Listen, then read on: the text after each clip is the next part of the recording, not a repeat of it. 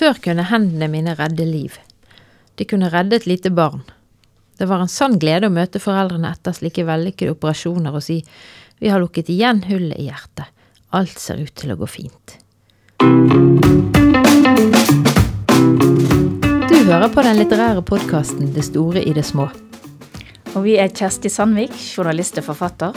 Og Grete Fatima Sayed, litteraturviter, forfatter og oversetter. Vi har fått støtte fra Litteraturhuset i Bergen, Bergen kommune. Kulturrådet og Fritt Ord. Nå kan jeg ikke engang skjenke en kopp kaffe uten å søle. Frisøren min forteller at leiligheten er full av flekker og smuler.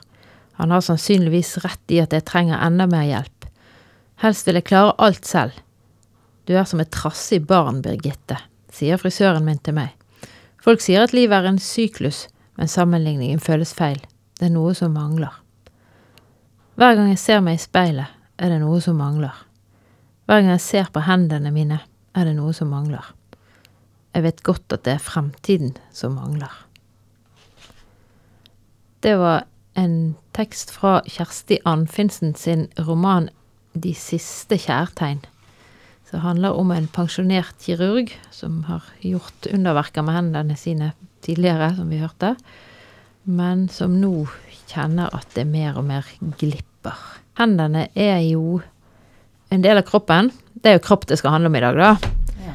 Uh, hendene er nok ikke den minst viktige delen av kroppen. Nei, altså Vi har det jo i bruk hele tiden. Mm. Men man kan jo òg si at beina er en ganske viktig del av kroppen. Å kunne gå. Komme fram. Ja, det er jo kanskje feil å konkurrere i ja, viktige kroppsdeler. Men uh, Aristoteles sa jo at hendene var redskapenes redskap, og det syns jeg er så fint.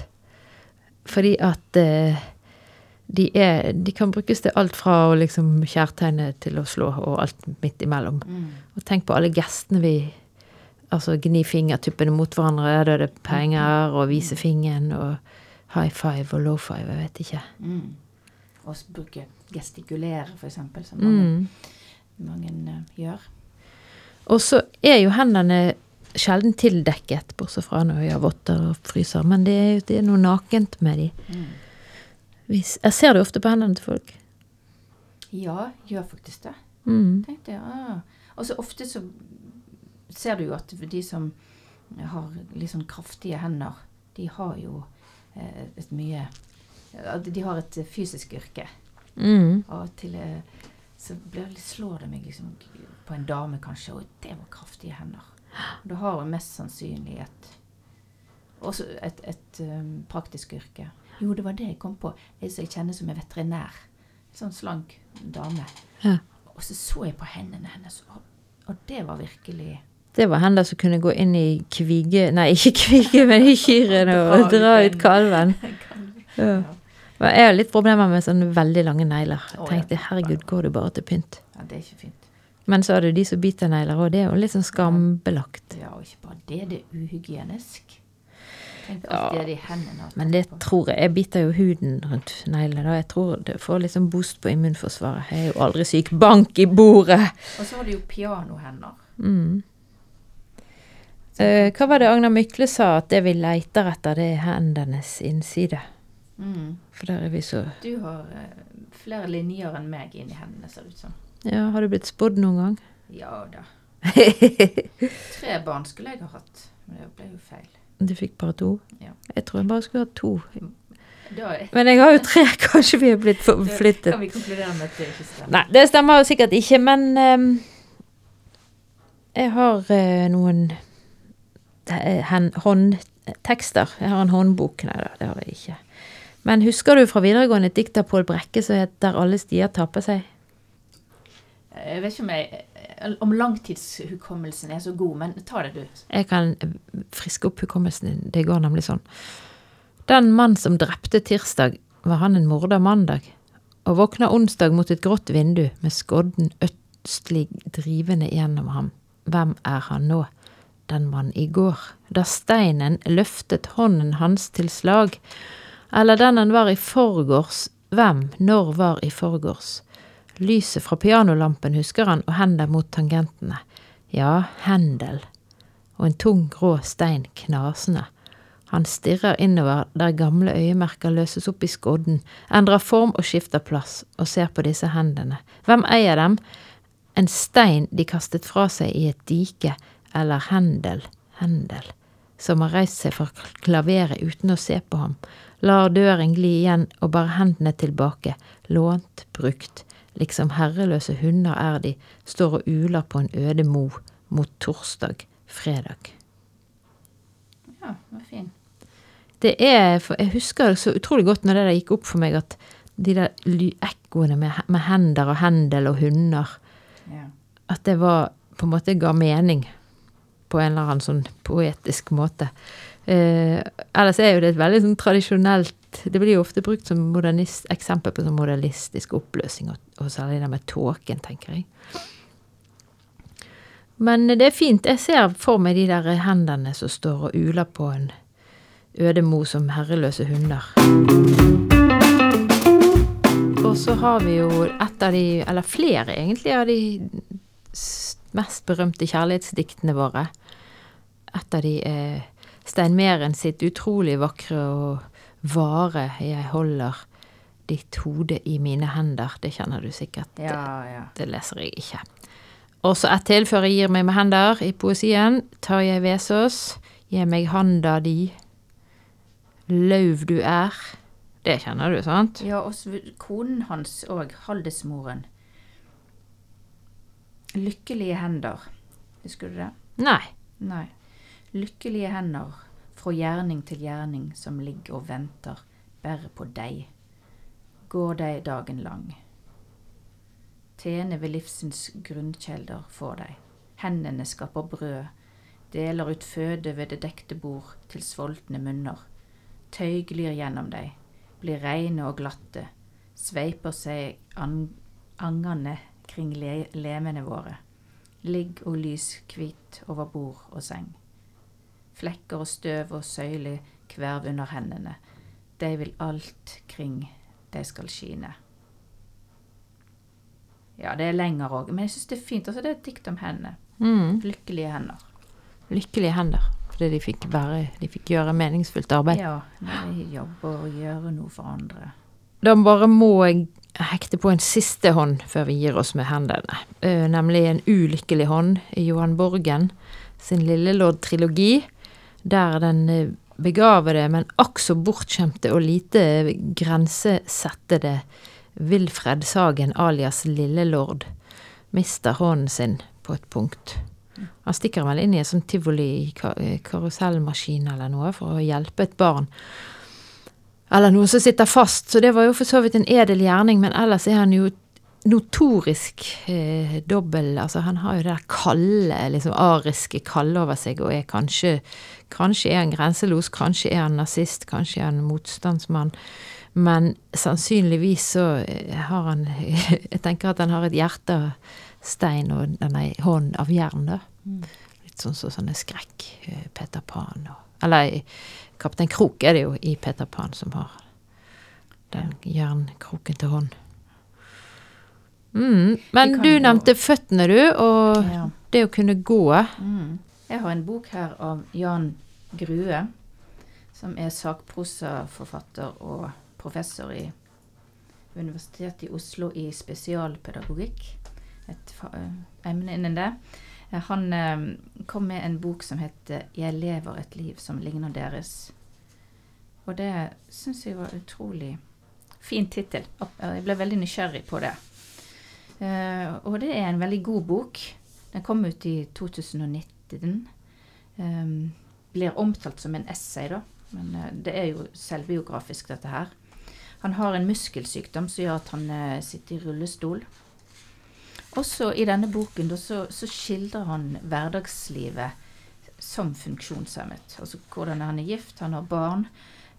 og han byr på en måte på, på livet sitt. Og du får bare sånn hverdagslige ting. Så hvordan er det for en som må planlegge nå, hvordan han skal reise seg opp fra sofaen? For dette, armen fungerer jo, og det er beina.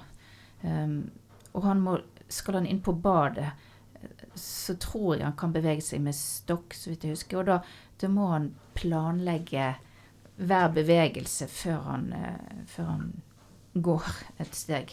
Og det er jo syns jeg eh, Å få innsyn i innsikt i hvordan det er å leve sånn, det syns jeg, Syns jeg eh,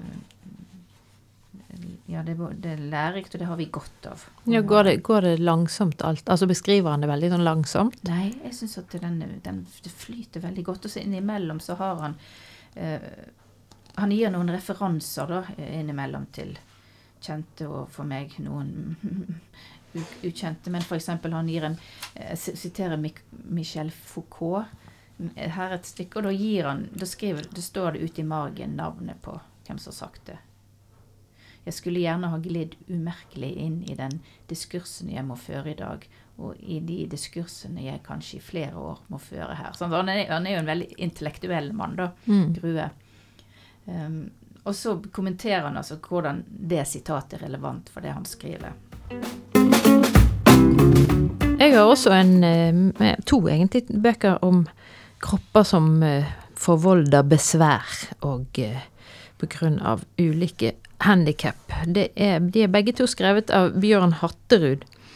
Og eh, den første kom i en serie som Samlaget hadde for noen år siden, som het Norsk røyndom. Og det var en utrolig bra serie. Så mange temaer, veldig viktige temaer om ulike Ja, mye det å ikke passe inn grunnet etnisitet eller legning eller forskjellige sånne ting. Eh, så den er det en liten flis av en bok og han skriver egentlig om mye av det samme i den eh, boken som kom nå i år, som heter 'Mjøsa rundt med mor'. Så mens Grue er Du sa han var professor, og jeg forbinder han med sånn trygg eh, Oslo-ballast med Jeg vet ikke om han er fra Oslo, men jeg tenker det er liksom ressurssterk bakgrunn mm. klassemessig, da. Tenker at han bor sikkert på Grünerløkka og kjører rundt i, i sånn bra bil og sånn. Men eh, Hatterud han springer da ut fra et mye mindre prestisjetungt miljø. Det er Brumunddal og Mjøsa, altså disse her minst altså Bare dialekten er jo nesten litt latterliggjort. Sånn Toten og ja, Alf Prøysen-aktig. Eh, han er homofil. Han har dette handikappet i likhet med Grue. Han har i tillegg vært overvektig, og han har eh, en sånn kultur, kulturell Altså han er kunstkritiker og, og musiker, men det er liksom ikke høystatusmusikken han holder på med. Eh, så, så, her er det en, altså rett og slett en overflod av mangler. Likevel så har han nydelig sånn uh, oppdrift i seg. Han gjør på en måte manglene til noen slags styrker. Han Eh, skriver Det står på baksiden her at boken er hylles til en oppvekst, en generasjon, et geografisk område og ikke minst til en mor.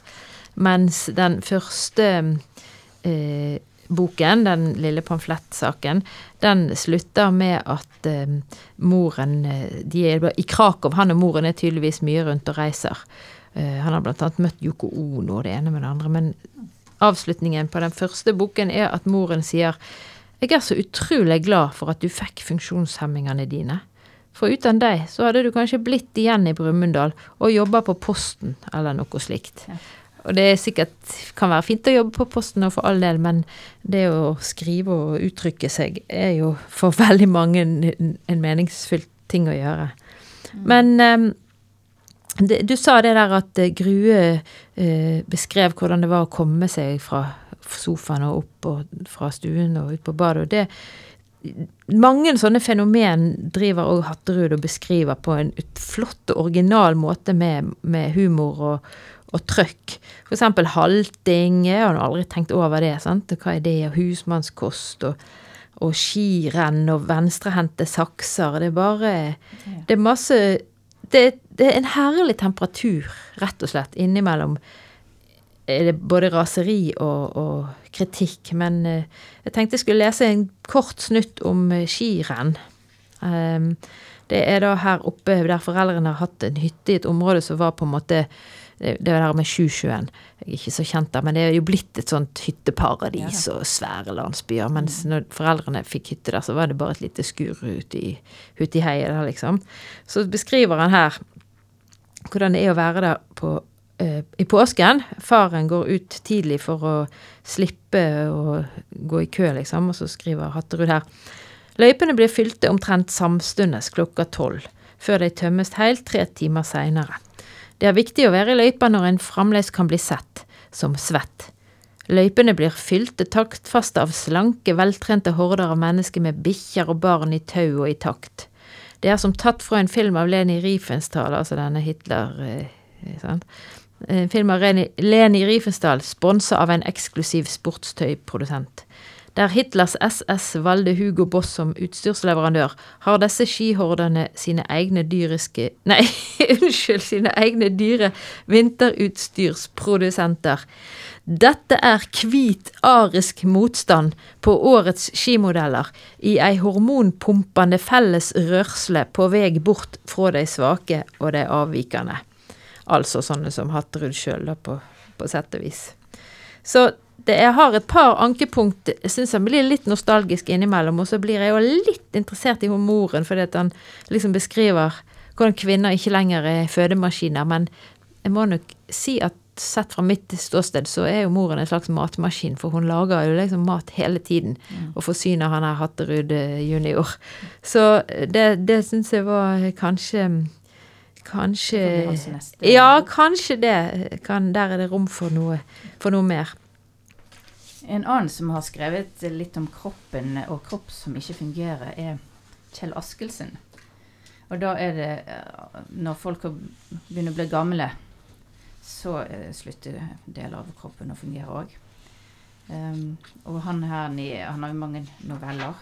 Korte, mange veldig korte noveller. Og da er det jo han eh, hovedpersonen, da, eller Thomas kanskje han heter, så snakker om at det er lenge siden han slutta å gå til frisøren, men så bestemmer han sikkert at han skal gå til frisøren likevel, da.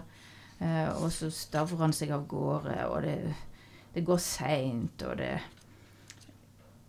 og ja. Omsider kom jeg fram. Jeg åpnet døren og gikk inn. Å, verden forandrer seg. Alt inne var annerledes. Og så, sånn. Og, sånn, og, så, og så etter en stund og så er det kø, og så har han gått så mye at han, klar, at han ikke klarer å stå, men det er ikke flere ledige stoler. Eh, så fant han ut at det, Hva er vitsen? Etter en kort stund reiste jeg meg og gikk. For hva var vitsen? Ja, altså Da fikk han jo en stol til slutt å sitte på, da. Men hva er vitsen? Håret var jo kort nok. Og så sparte jeg de kronene. Det var sikkert ikke få. Så gikk jeg de mange tusen små skrittene hjem. Og verden forandrer seg, tenkte jeg. Og tausheten brer seg. Det er på tide å dø.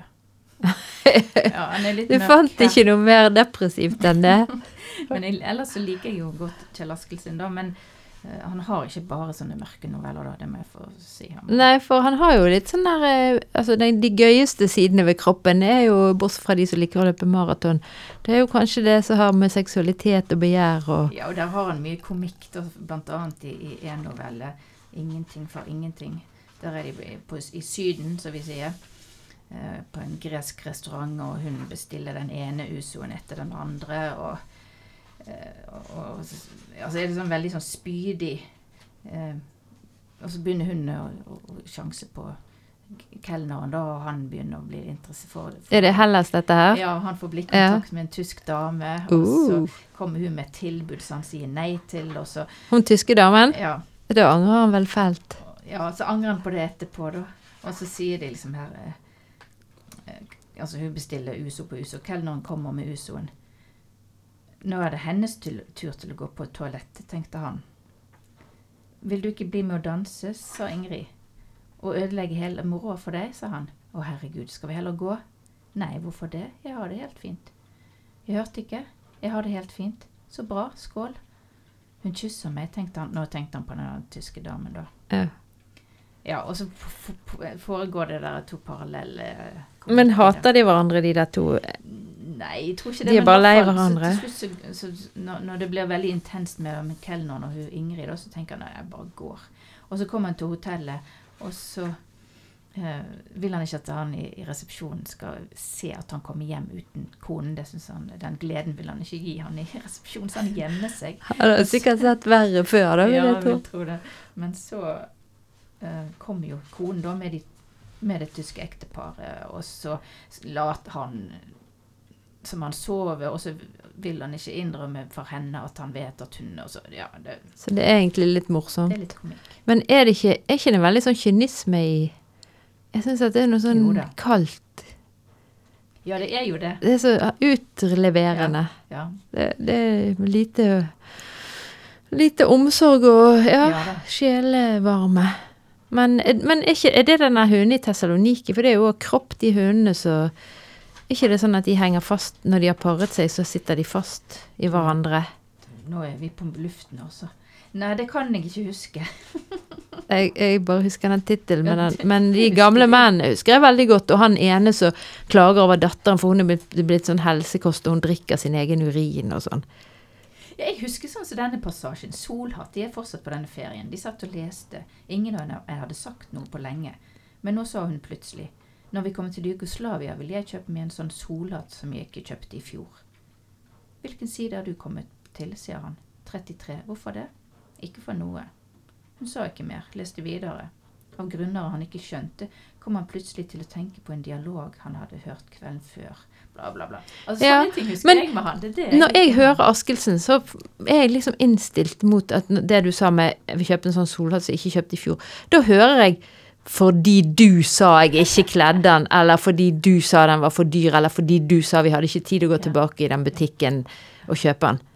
Så det er liksom det er bare hat og smålighet. Ja, jo da. Det, det er jo masse sånn mellom altså, Hva heter det Ute Mellom- usagte. Ja. Undertekst her. Ja. Jeg tenker litt på Raymond Carver, som vi òg har snakket om. Som er for det er jo liksom det der hverdagslaget. De sitter der, to stykker som ikke helt fikser livet. Og, og, så, og så er det gjenkjennelig, men du er heldigvis ikke kommet så ja, langt men jeg ned. syns at der er det mer raushet i Det er ikke så reint. Husker du at det var en sånn diskusjon om anorektisk versus bulemisk litteratur? Mm. Det var i Klassekampen, det er jo 100 år siden. Men da var liksom Askildsen selvfølgelig kroneksempelet med det at han sier at han skriver Han er fornøyd med en arbeidsdag hvis han skriver én setning og stryker to, liksom. sant? Å, det er noe sånn herre Må det være så strengt? Må det være så Ja, det det, er er litt sånn. gnitent. Etter en stund la hun boka fra seg. 'Jeg lager meg et speil', sa hun. 'Vil du ha?' Nei takk. Han likte ikke speil. Og det har jo hun visst i 40 år, sant? Ja, ja. Vil du ha et speil, kjære? Det er jo verst, Nei, det verste med Nei, jeg skal ikke ødelegge all din glede. Det skal jeg ikke. Men du hadde noe mer der? Ja, jeg har en siste kroppsdel vi må innom, som er Du vet jo at jeg har en eh, tendens til å tenke sånn Hva er den mest litterære kroppsdelen, f.eks.? Ja. Og det har jeg konkludert med at det må være nakken. Fordi at nakken har noe av det Vi begynte jo med hendene, sant? At de både er veldig nakne, men samtidig merket av arbeidet vårt, og vi får hard hud. Og vi, men nakken, den er jo helt ekstremt naken. For det første så ser vi han jo ikke sjøl, så vi kan ikke posere med nakken. Ja, for da tenker du nakken bak, ikke hals. Nei, ikke halsen, nakken bak. Det å se noen bakfra, det er, det er så sårt. Og du vet, Knausgård har jo en hel bok med også fotografier, en sånn fotobok med nakken, der han skriver at den er mest liksom usminkede, og det er den eneste kroppsdelen som ikke kan liksom kommersialiseres på en måte. Altså vi, vi har ikke kosmetiske nakkeoperasjoner, men vi har pinadø alt annet. Ja, bare vent. Nei, og så er det jo noe med at den er både kan være vise liksom et kuet et nederlag, et liv som har vært tungt. Da vil, man jo ha hodet Altså da er hodet blitt så tungt at nakken er synlig. Men òg hvis man er stolt og høyreist, så liksom kneiser man med nakken. Så den Og det er jo noe sensuelt òg. Ja, veldig. Den er liksom overgangen. Den peker liksom ned under klær, knæ, klærne. Og hvis man har, man har det litt med om formen på bakhodet òg. Hvis det er flatt, så er kanskje ikke nakken så pen. Men hvis du har sånn rundt, fint bakhode sånn, Tenk på en sånn barnenakke. sånn... eh, Ja, ja, ja. Og barn som ikke kan holde hodet oppe engang. Nakken er jo helt Du må jo støtte dem. ja. Sånn, Det er jo det helt, det er jo livsfarlig, eller i hvert fall. Sånn, Og med oppsatt hår blir det jo ekstra sensuelt, for da har du gjerne én lokk som henger litt løs. Og, ja. Nei, det har jeg eh, forelsket meg litt i, og en annen som jeg både er forelsket i, og som er forelsket i nakke, det er jo Torborg Nedreås. Yeah. For av måneskinn gror det ingenting som er lang. Ja, det kommer nå. En lang historie om en vond kjærlighet, men sterk kjærlighet, det er jo det òg nakken som på en måte er innbegrepet av hva som gjør det umulig å slutte å elske denne Johannes, da, som hun hun er helt besatt av. For hver gang hun ser Johannes i nakke, så må hun bare bort og, og ta på den og, og røre ved den. Eh, så der ble jo nakken eh, slags under Altså både mors, nesten morsomsorg og den tiltrekningen som går rett i undergangen. Eh, og Nedreås har flere tekster som hun, hun skriver om, eh, om nakker, og en av de er mitt første møte med Nedreås, så vidt jeg husker. Det er en novelle som heter 'Kruttrøyk', som vi leste også på videregående. Eh, der det er en mor som har to sønner, det er under andre verdenskrig. Ene sønnen er i motstandsmann, så han, eh, hun vet ikke hvor han er, om han lever eller dør. Eller er han død? Ja, Han er i hvert fall tapt, på en måte. Andre sønnen driver bare og fester og har det moro og fornekter alt ansvar. Tror moren. Men så viser det seg jo moren våkner om morgenen med en merkelig sånn eim av kruttrøyk. Og så, eh, etter en stund, så ser hun en bil utenfor, ser hun det Gestapo, så har hun skritt i trappen, så- er de på døren. Og så, idet de kommer inn da, så hører hun et skudd fra sønnen sitt rom. Han har akkurat kommet hjem etter fest, tror hun, men vi skjønner jo etter hvert at han faktisk har vært motstandsmann, han òg. Og når Gestapo da kommer inn i leiligheten, så har han skutt seg. Og da snur jo alt. Det er så sterkt. Da snur alt. Og moren eh, som har, står i døren, har sluppet de inn, vender de i ryggen og viser de Gestapo da inn på rommet til sønnen. Og da er sitatet sånn Nakken hennes er falmet og gammel under det tufsete håret, men det er en oppreist nakke, en dronningsnakke. Du har nå hørt en episode av den litterære podkasten Det store i det små.